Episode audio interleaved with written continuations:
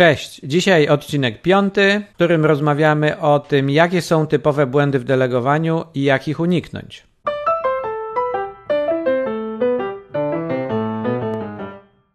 Niezapracowani. Podcast o sukcesie i wolności w biznesie. Zapraszam, Filip Nowicki.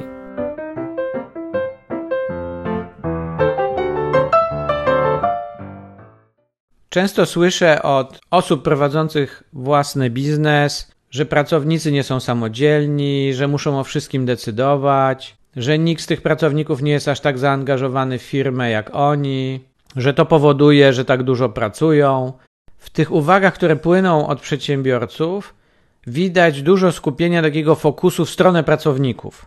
Moja sytuacja byłaby lepsza, gdyby ci pracownicy lepiej pracowali, albo gdybym miał lepszych pracowników, gdybym był w stanie zatrudnić lepsze osoby. Natomiast nie do końca mi się to wydaje prawdą i należy w tym momencie trochę sobie spojrzeć w lustro i zobaczyć, no dobrze, ale jak ja pracuję z tymi ludźmi, w jaki sposób się komunikujemy, jaki jest nasz w ogóle model wymiany informacji, model pracy, jakie są między nami ustalenia, zasady współpracy bo to wszystko nadaje kształt i bieg temu, co się dzieje w firmie. Dzisiaj chcę powiedzieć o delegowaniu z perspektywy najczęściej popełnianych błędów. Przede wszystkim musimy sobie zdać sprawę, że nie wszystko, co zlecamy, czy nie wszystko, o co prosimy pracowników, żeby to wykonali, to jest delegowanie.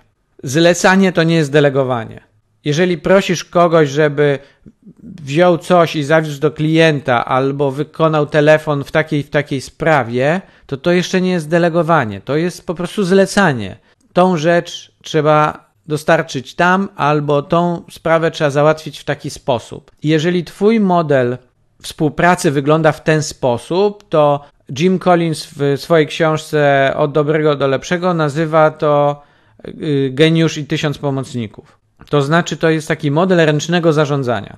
Jesteś dysponentem cudzego czasu i cudzej energii i ręcznie pokazujesz palcem kierunek, w którym tą energię i ten czas skierować po to, żeby jakieś zadania zostały wykonane. Ale to nikogo nie nauczy samodzielności. Ciebie jako właściciela tego biznesu czy dyrektora zarządzającego raczej doprowadzi do frustracji, że sprawy idą ciężko, że idą powoli, że rzeczy nie dzieją się same jak popatrzymy na to z perspektywy delegowania, czym to jest i, i, jak powinno się to robić, to być może wiele tutaj rzeczy się odsłoni i pomoże Ci e, spojrzeć troszkę samokrytycznie na Twój model funkcjonowania i poprawić te rzeczy związane z tym, w jaki sposób się komunikujecie, w jaki sposób przebiega interakcja między Tobą a Twoim zespołem.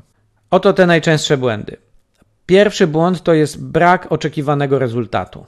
Czyli jeżeli nie wytłumaczysz, czemu ma służyć to zadanie, ta praca, którą chcesz, żeby ktoś dla ciebie wykonał, to bardzo zmniejszasz szansę na wykonanie tego w należyty sposób, zgodny właśnie z Twoim oczekiwaniem, czyli trzeba jasno określić rezultat. Oczekuję, że to będzie wykonane w taki i w taki sposób, albo oczekuję, że dzięki temu osiągniemy to i to. Osoba, która bierze na siebie trud wykonania tej pracy, musi wiedzieć, czemu to służy, czyli musi bardziej rozumieć, czego się spodziewasz na końcu, i być może też powinna lepiej rozumieć trochę szerszy kontekst, czyli dlaczego to jest ważne.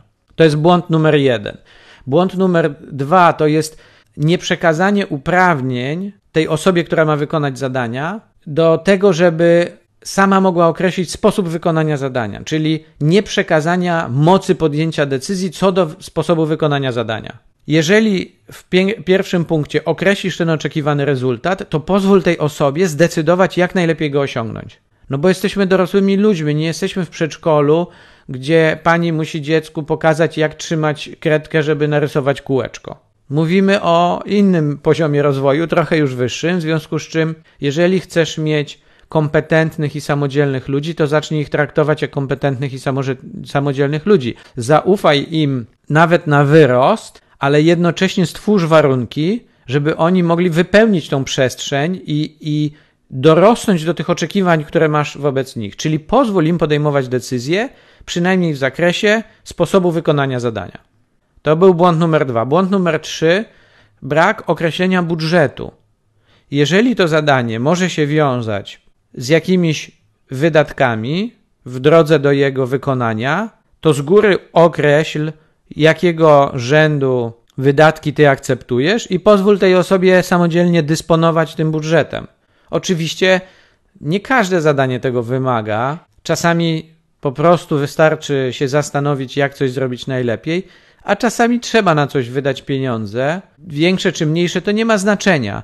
Ważne, żebyśmy co do kosztów związanych z wykonaniem zadania mieli pełną jasność. Nieważne, czy to jest 100 zł, czy 1000, czy 10 tysięcy. Ważne, żeby ta osoba, która to bierze, mówi: OK, w razie czego, jeżeli muszę coś kupić, żeby móc tą pracę wykonać, albo muszę zapłacić komuś, bo tu jakiś element, ktoś powinien mi pomóc w realizacji tego, to żebym po prostu miał świadomość, że mogę to zrobić i do jakiej kwoty, bo to oznacza, że do tej kwoty nie muszę o tym już dyskutować z moim przełożonym. To znaczy, że jeżeli komuś mówisz, masz y, y, ewentualnie budżet do takiej wysokości, jeżeli on będzie konieczny i dysponuj nim rozsądnie, tak jakby to były Twoje pieniądze, to to wystarczy. No a jeżeli się okazuje, że rozwiązanie jest droższe, no to wtedy przyjdź i powiedz mi o tym, bo po prostu chcę być tego świadomy, tak? Prawdopodobnie się zgodzę, ale muszę o tym wiedzieć, muszę podjąć tą decyzję, popatrzeć e, e, na sytuację z szerszej perspektywy, jakiegoś większego budżetu, y, czy tam wszystko pasuje.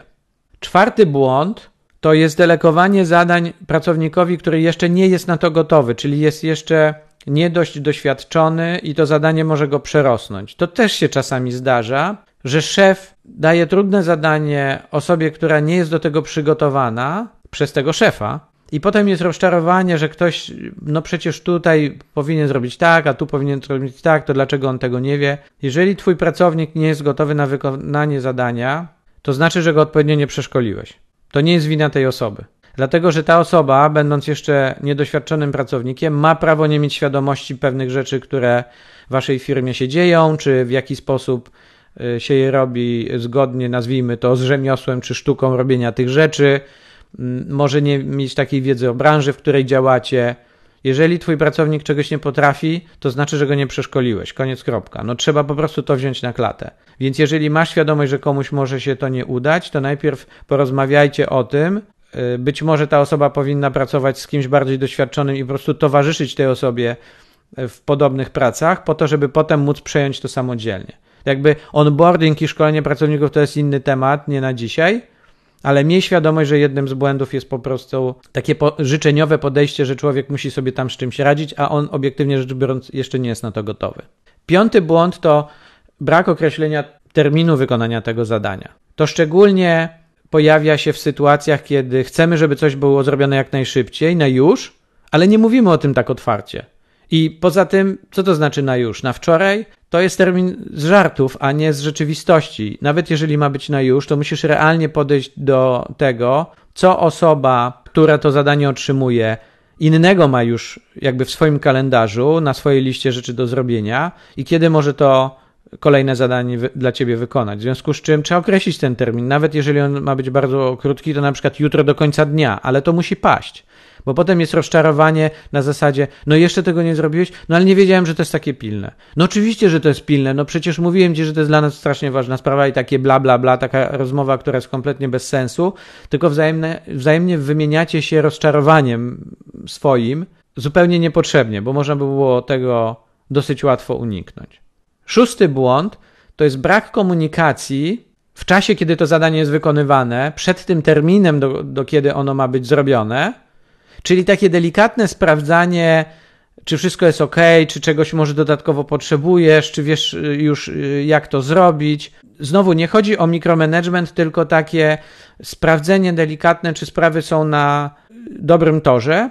A oczywiście pracując z kimś dłużej, to masz dużo lepsze wyczucie, jak ta konkretna osoba do tego podchodzi i czy trzeba ją troszeczkę bardziej zmotywować albo po prostu jej przypomnieć, czy można tą osobę zostawić i wiadomo, że to na ten konkretny dzień będzie gotowe.